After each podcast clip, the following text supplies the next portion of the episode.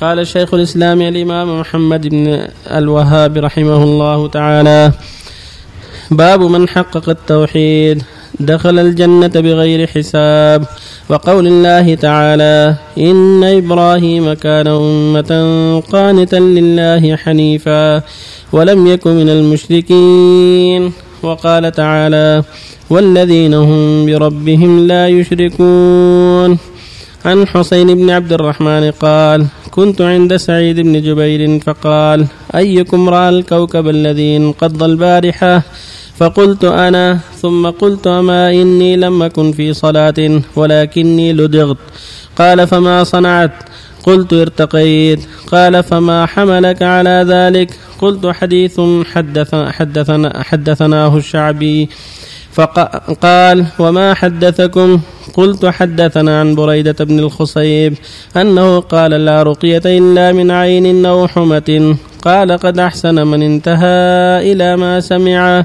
ولكن حدثنا حدثنا ابن عباس عن النبي صلى الله عليه وسلم أنه قال عرضت علي الأمم فرأيت النبي ومعه الرهط والنبي ومعه الرجل والرجلان.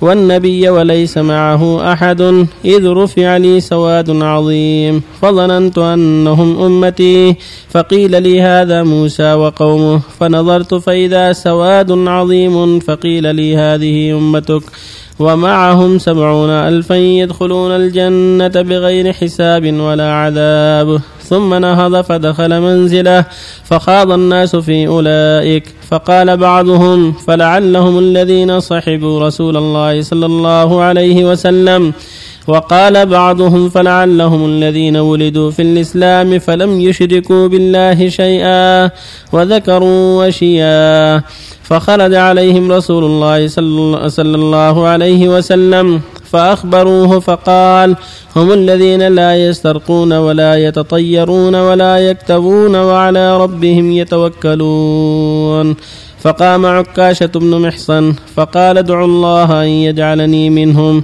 فقال أنت منهم. ثم قام رجل آخر فقال ادعوا الله أن يجعلني منهم. فقال سبقك بها عكاشة. وبالله التوفيق والسلام. وصلى الله وسلم على رسول الله وعلى آله وأصحابه من اهتدى بهدى أما بعد فيقول المؤلف رحمه الله هو أبو عبد الله الشيخ الإمام شيخ الإسلام في زمانه محمد بن عبد الوهاب بن سليمان بن علي التميمي رحمه الله. إمام الدعوة في زمانه في القرن الثاني عشر. رحم الله به العباد وجدد من درس من الإسلام في هذه الجزيرة في النصف الثاني من القرن الثاني عشر. ودعا إلى الله عز وجل وأرشد الناس إلى ما خلقوا له من توحيد الله وطاعته وساعده في ذلك. أهل العلم والبصيرة من أهل التحقيق والإيمان والعقيدة الطيبة وهكذا أولاده وأتباعه ممن شرح الله صدرهم للعلم النافع والعمل الصالح والبصيرة بدين الله عز وجل. فاجتهدوا في ذلك ودعوا إلى الله وأرشدوا إليه وأزال الله على يده رحمه الله ويد أنصاره من أهل التوحيد والإيمان من أهل سعود وغيرهم أزال الله على أيديهم آثار الشرك. فهدمت البنايات التي على القبور وأزيلت آثار الشرك وانتصر دين الله وظهر الحق وزال الشرك في هذه الجزيرة في نجد ثم في الحجاز ثم انتشر في غالب الجزيرة ثم نقل ذلك أهل العلم والإيمان إلى خارج الجزيرة من الشام ومصر والهند والهند وغيرها والعراق وغيرها. والمقصود أن الله جل وعلا أزال به أثر الشرك.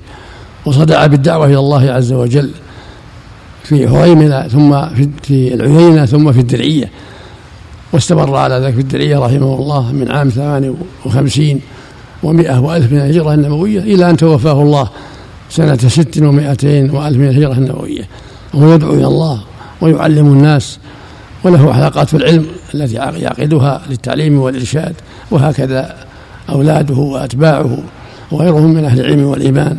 في الدرعية وفي غير الدرعية ثم في الحجاز في مكة والمدينة وسائر بلاد نجد ثم في انتقل ذلك إلى بلدان كثيرة على يد أهل العلم والبصيرة. وألف هذا الكتاب كتاب التوحيد لشدة الحاجة إليه. لما رأى الناس أكثرهم ليس عنده البصيرة بحقيقة التوحيد والشرك فجمع هذا الكتاب وهكذا كشف الشبهات وثلاثة الأصول كلها من خير الكتب في بيان العقيدة وإيضاحها. ومن ذلك قول في هذا الكتاب باب من حقق التوحيد. دخل الجنة بغير حساب. يعني من حققه بترك الشرك والمعاصي. فإن تحقيق التوحيد هو تخليصه وتصفيته من شواب الشرك والبدع والمعاصي. هذا هو تحقيق التوحيد. يعني تنقيته وسلامته من جميع أنواع الشرك وأنواع البدع والمعاصي.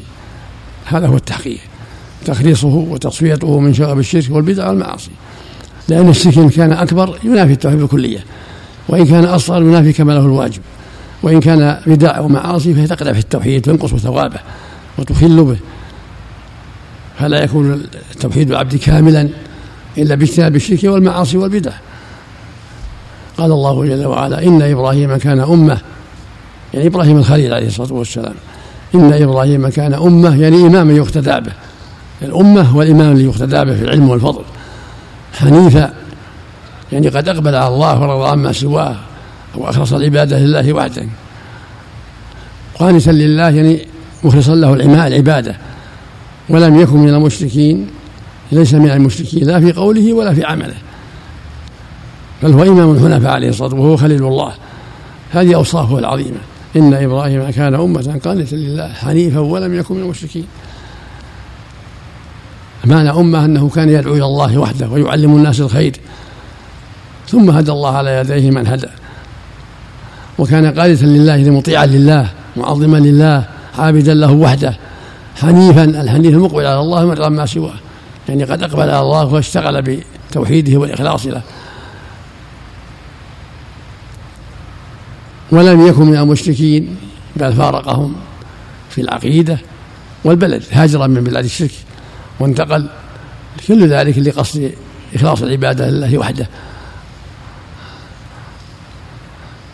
فهكذا يجب على أهل العلم أن يتأسوا بخليل الله إبراهيم وبخليل الله الثاني محمد عليه الصلاة والسلام في الدعوة إلى الله وإظهار التوحيد والنهي عن الشرك دقيقة وجليلة. هذه هي ملة إبراهيم.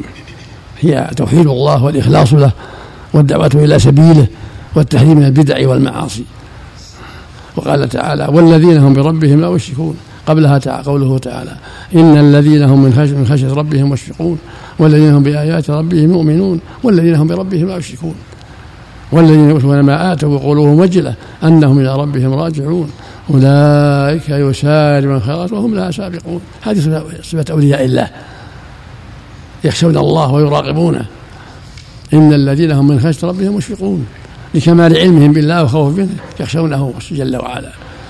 ويؤمنون بآياته. آياته الكونية من السماء والأرض والجبال والأشجار وغير البحار وغير ذلك. ومن آياته المتلوة القرآن والكتب المنزلة. فهم يؤمنون بهذا وهذا. إيمانا يتضمن العمل والإخلاص والاستقامة. والذين هم بربهم لا يشركون بل أخلصوا لله العمل. خصوه بالعبادة. ومع ذلك جاهدوا أنفسهم لله واجتهدوا في طاعة الله وسارعوا إلى الخيرات وسبقوا إليها بسبب صدقهم وإيمانهم وتقواهم لله جل وعلا. هكذا أهل التحقيق وأهل الاستقامة يوحدون الله ويسارعون إلى طاعته ويخشون غضبه ويجتهدون في طاعته حتى يلقوه سبحانه. هذه حال المتقين هذه حال الحنفاء هذه حال من حقق التوحيد. يكون عنده العناية التامة بما أوجب الله عليه وما حرم عليه ويجتهد في المسارعة إلى الخيرات والمسابقة إلى الطاعات. عن حصين بن عبد الرحمن قال كنت عند سعيد بن جبير. كلاهما تابعي. فقال سعيد أيهم رأى الكوكب, رأى الكوكب الذي انقضى البارحة؟ يعني النجم الذي رمي به. فقلت أنا. ثم قلت أما إني أكن في الصلاة ولكني لدغت خشي يظن أنه قام يجتهد وأن مدح نفسه بما لم يفعل. تحرزا من الرياء. فقال أما إني لم أكن في الصلاة ولكن لدغت يعني استيقظت بسبب لدغة حية أو فقال له سعيد وما صنعت لما دغت لما لدغت قال استرقيت. قال وما حملك على ذلك؟ يعني وش دلك على الرقية؟ قال حديث حدث له الشعبي عن بريدة بن حصيب أنه قال لا رقية إلا من عين وحمى الحديث هذا مرفوع في روايات أخرى أن الرسول قال لا رقية إلا من عين وحمى الحمى سم ذوات السموم. المعنى أني استرقيت لأجل هذا الحديث أن الرسول أخبر أن الرقية تنفع من من الحيات والعقارب وهكذا عين العين وهي النظرة من أعظم علاجها وأنفع علاجها الرقية. رقية المريض المعين بالفاتحة آية الكرسي قل هو الله أحد والمعوذتين مع الدعاء له بالشفاء والعافية. ثم قال ابن عباس سعيد ولكن حدثنا ابن عباس عن النبي وسلم قال عرضت علي يوما عرضت علي الأمة يعني ليلة الإسراء والمعراج حين عرج به إلى السماء قبل الهجرة. فرأيت النبي ومعه الرهط والنبي معه الرجل والرجل والنبي ليس معه أحد. هذا كان حين عرج به إلى السماء قبل أن يهاجر المدينة فإن الله عرج به إلى السماء وفرض عليه الصلاة الخمس وهو فوق السماء السابعة عليه الصلاة والسلام. فرأيت النبي ومعه الرجل والرجلان. يعني ما اتبعه إلا رجل أو رجلان والنبي ومعه الرهط. ولكن الرهيط يعني العدد من ثلاثة إلى تسعة يقال لهم رهط. والرهيط أقل من ذلك خمسة ست والرهط إلى تسعة. والنبي وليس معه أحد. يعني رأى بعض الأنبياء لم يتبعه من أمة أحد. كلهم أبوا ولم يقبلوا دعوته نسأل الله العافية بل منهم من قتله قومه. كما أخبر الله عن اليهود أن منهم من يقتل الأنبياء بغير حق. فهذا مثل ما قال المؤلف المسائل قلة من استجاب من الأنبياء. كما قال تعالى ولقد صدق عليهم الجيش ظنه فاتبعوه إلا فريقا من المؤمنين قال عز وجل وقليل من عبادي الشكور قال سبحانه وما أكثر الناس ولو حرصت بمؤمنين. هذا يبين النبي صلى الله عليه وسلم بعض الأنبياء ليس معه إلا الرجل والرجلان وبعض الأنبياء ليس معه إلا الرهيط وبعض الأنبياء ليس معه أحد. فعليه سواد عظيم. فظننت أنه أمتي فقيل لي هذا موسى وقومه. فيه بيان كثرة اتباع موسى من بني إسرائيل عليه الصلاة والسلام. ثم نظرت إلى الأفق فقال هذه أمتك في الأرض الآخر؟ انظر إلى الأفق الآخر فرأى سواد أيضا في الأفق الثاني. قيل له هذه أمتك. يعني مستجيبة الذين أطاعت ودخلت في الإسلام واستجابت دعوة النبي صلى الله عليه وسلم. أمته كبيرة لكن المقصود الفرقة الناجية التي اتبعته وانقادت لشرعه هذه أمته ومعهم سبعون ألفا يدخلون الجنة بغير حساب ولا عذاب يعني هذه أمة المستجيبة التي تابعت الحق واتبعت الحق والهدى. ثم نهض ودخل منزله فخض الناس في أولئك السبعين. من هم؟ فقال بعضهم الذين يصطحب رسول الله صلى الله عليه وسلم. وقال بعضهم فلعلهم لن يولدوا في الإسلام فلم يشركوا بالله شيئا. وذكروا أشياء خاضوا. فخرج عليه النبي صلى الله عليه وسلم فقال فسألهم عما يخوضون فيه فأخبروه. فقال هم الذين لا يسترقون ولا يكتوون ولا يتطيرون وعلى ربهم يتوكلون. يعني من أعمالهم الطيبة ترك الاسترقاء ترك الحاجة إلى الناس ترك سؤال الناس الاسترقاء. الاسترقاء طلب الرقية وترك الكي لأن الكي نوع من التعذيب لا يصار إليه إلا عند الحاجة. مثل ما قال صلى الله عليه وسلم الشفاء في ثلاث شرطة محجم أو شربة عسل أو كية نار وما أحب أن أكتوي. في اللفظ الآخر وأنا أنهى أمتي عن الكي. فالكي يكون آخر الطب.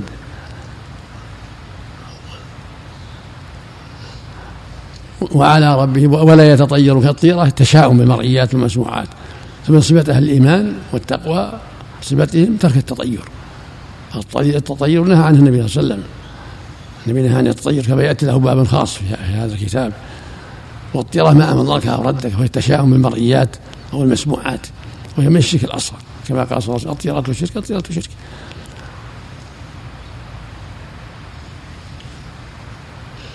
فالمقصود أن الواجب على المؤمن الحذر من الطيرة لأنها من الشرك. والنبي صلى الله عليه وسلم أحسنها الفعل. فإذا رأت مكره فليقول اللهم لا يأتي بالحسنة إلا أنت ولا يأتي بالسيئة إلا أنت ولا حول ولا قوة إلا يعني إذا رأى ما يكره يقول اللهم لا يأتي بالحسنة إلا أنت ولا يدفع السيئات إلا أنت ولا حول ولا قوة إلا أنت ولا يتطير. في اللفظ الآخر اللهم لا خير إلا خيرك ولا طير إلا طيرك ولا إله غيرك. والكي عند الحاجة عند الحاجة لا بأس. ولهذا أمر النبي صلى الله عليه وسلم كون النبي بعض أصحابه الحاجة كما قصر الشفاء في ثلاث شرطة محجم أو كية دار أو شربة عسل. فإذا دعت الحاجة الكي لا بأس. والاستقاء لا بأس إذا الحاجة إليه. ليس محرم لكن عند الحاجة لا بأس. ترك أفضل. ولهذا أمر النبي عائشة أن تسترقي. وأمر أم أولاد جعفر أن تسترقي. لأولاد جعفر لما أصابتهم العين. فالاسترقاء عند الحاجة لا بأس. لكن تركه أفضل. عند عدم الحاجة إليه إذا تيسر دواء آخر. فقام عكاش محصن الأسدي فقال يا رسول الله ادعو الله اجعلني منهم. قال أنت منهم. في اللفظ الآخر قال اللهم اجعله منهم. ثم قام رجل آخر. فقال ادعو الله اجعلني قال سبقك بها عكاشة استعمل النبي هذا الكلام سدا للباب. لئلا يتسلسل الأمر فيقوم ناس ليسوا أهلا لذلك. فقال سبقك بها عكاشة سدا للباب وهذا في استعمال المعاريض التي يحصل بها سد باب التسلسل إلى ما لا ينبغي.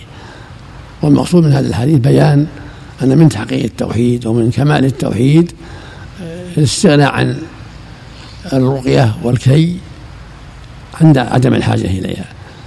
مع العناية بأداء ما أوجب الله وترك ما حرم الله. فإن أساس الدين وأساس الملة هو المحافظة على توحيد الله والاستقامة على دينه والحذر من المعاصي. هذا هو الأساس في دخول الجنة والنجاة من النار وأن تكون من السبعين. وفي اللفظ الآخر أن الله زاد مع كل ألف سبعين ألفا. وفي بعض الروايات مع كل واحد سبعين ألفا وثلاث حثيات من حثيات ربي. فالله جل وعلا وعد كل مؤمن كل متق لله وعده الجنة. عند المتقين في جنات وعيون. عند المتقين في جنات ونعيم. وعد الله المؤمنين والمؤمنات جنات تجري من تحتها الأرض. كل مؤمن موعود بالجنة. كل متقي موعود كل من اتقى الله واستقام على دينه فهو من الجنة. يدخلها بغير حساب ولا عذاب. لكن ينبغي المؤمن أن يحذر أن يحذر أسباب الشر وأن يجتهد في طاعة الله ورسوله ويترك الأسباب المكروهة والمحرمة. فالمكروهة الكي عند عدم الحاجة والاسترقاء عند عدم الحاجة.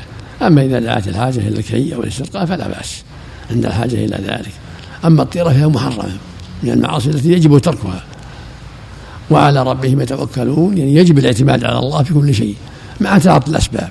الإنسان يأخذ بالأسباب لا بأس لكن يكون قلبه معلقا بالله معتمد على الله متوكلا عليه في كل شيء يعلم أنه سبحانه مسبب الأسباب وأن الأسباب لا تنفع إلا إذا نفع الله بها. فقلبه معلق بالله. قد توكل عليه واعتمد عليه مع تعاطيه الأسباب. وفق الله الجميع قال من الحديث نعم. يخرج من الحديث. لا لا السبعين ألف. ومعهم من كل زاده الله مع كل سبعين ألف لا يخرج منهم. لأن عمدة في هذا ترك ما حرم الله وأدى ما أوجب الله لكن هذا من الكمال. الاسترقاء من الكمال. ولا يخرج بذلك من سنة السبعين لو استرقى للحاجة.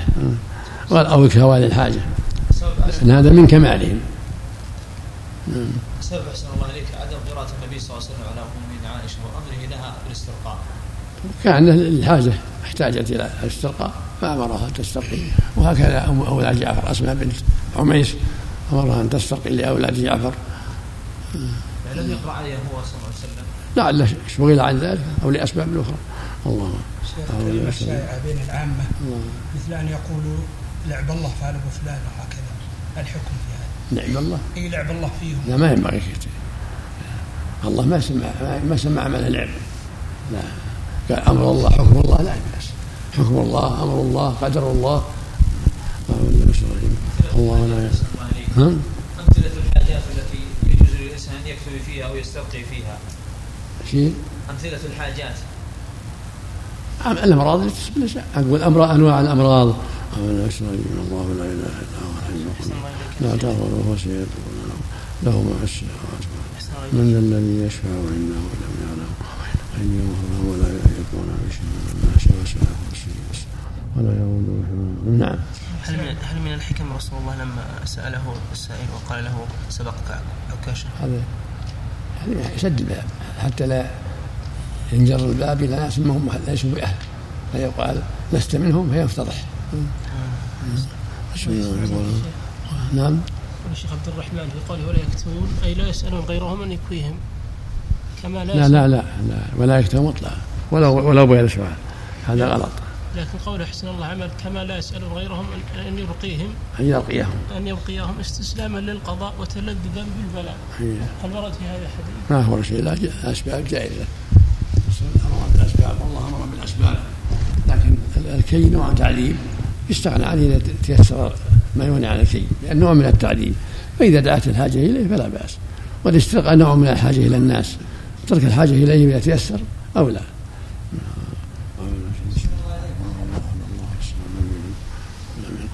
غسل الأعضاء أكثر من ثلاثة شيخ جائز؟ لا ما ما ينبغي. أقل شيء الكراهة. ثلاث فقط. السنة ثلاث فقط. الوجه ثلاث واليدين ثلاث والأرجل كذلك أما الرأس مسحه واحدة هذه السنة. لا يزيد على ثلاث. في بعض الروايات من زاد فقد أساء وتعدى وظلم. فالسنة ثلاث فاقل في الوضوء. صلى الله عليك. من شرع بالوضوء وسمع المؤذن. هل له أن يتابع المؤذن أو يقطع الوضوء يمكن يتابع ويتوضأ ما- ما هنا أمر. يتابع ويتوضأ أمر واسع. إذا كان خارج الحمام.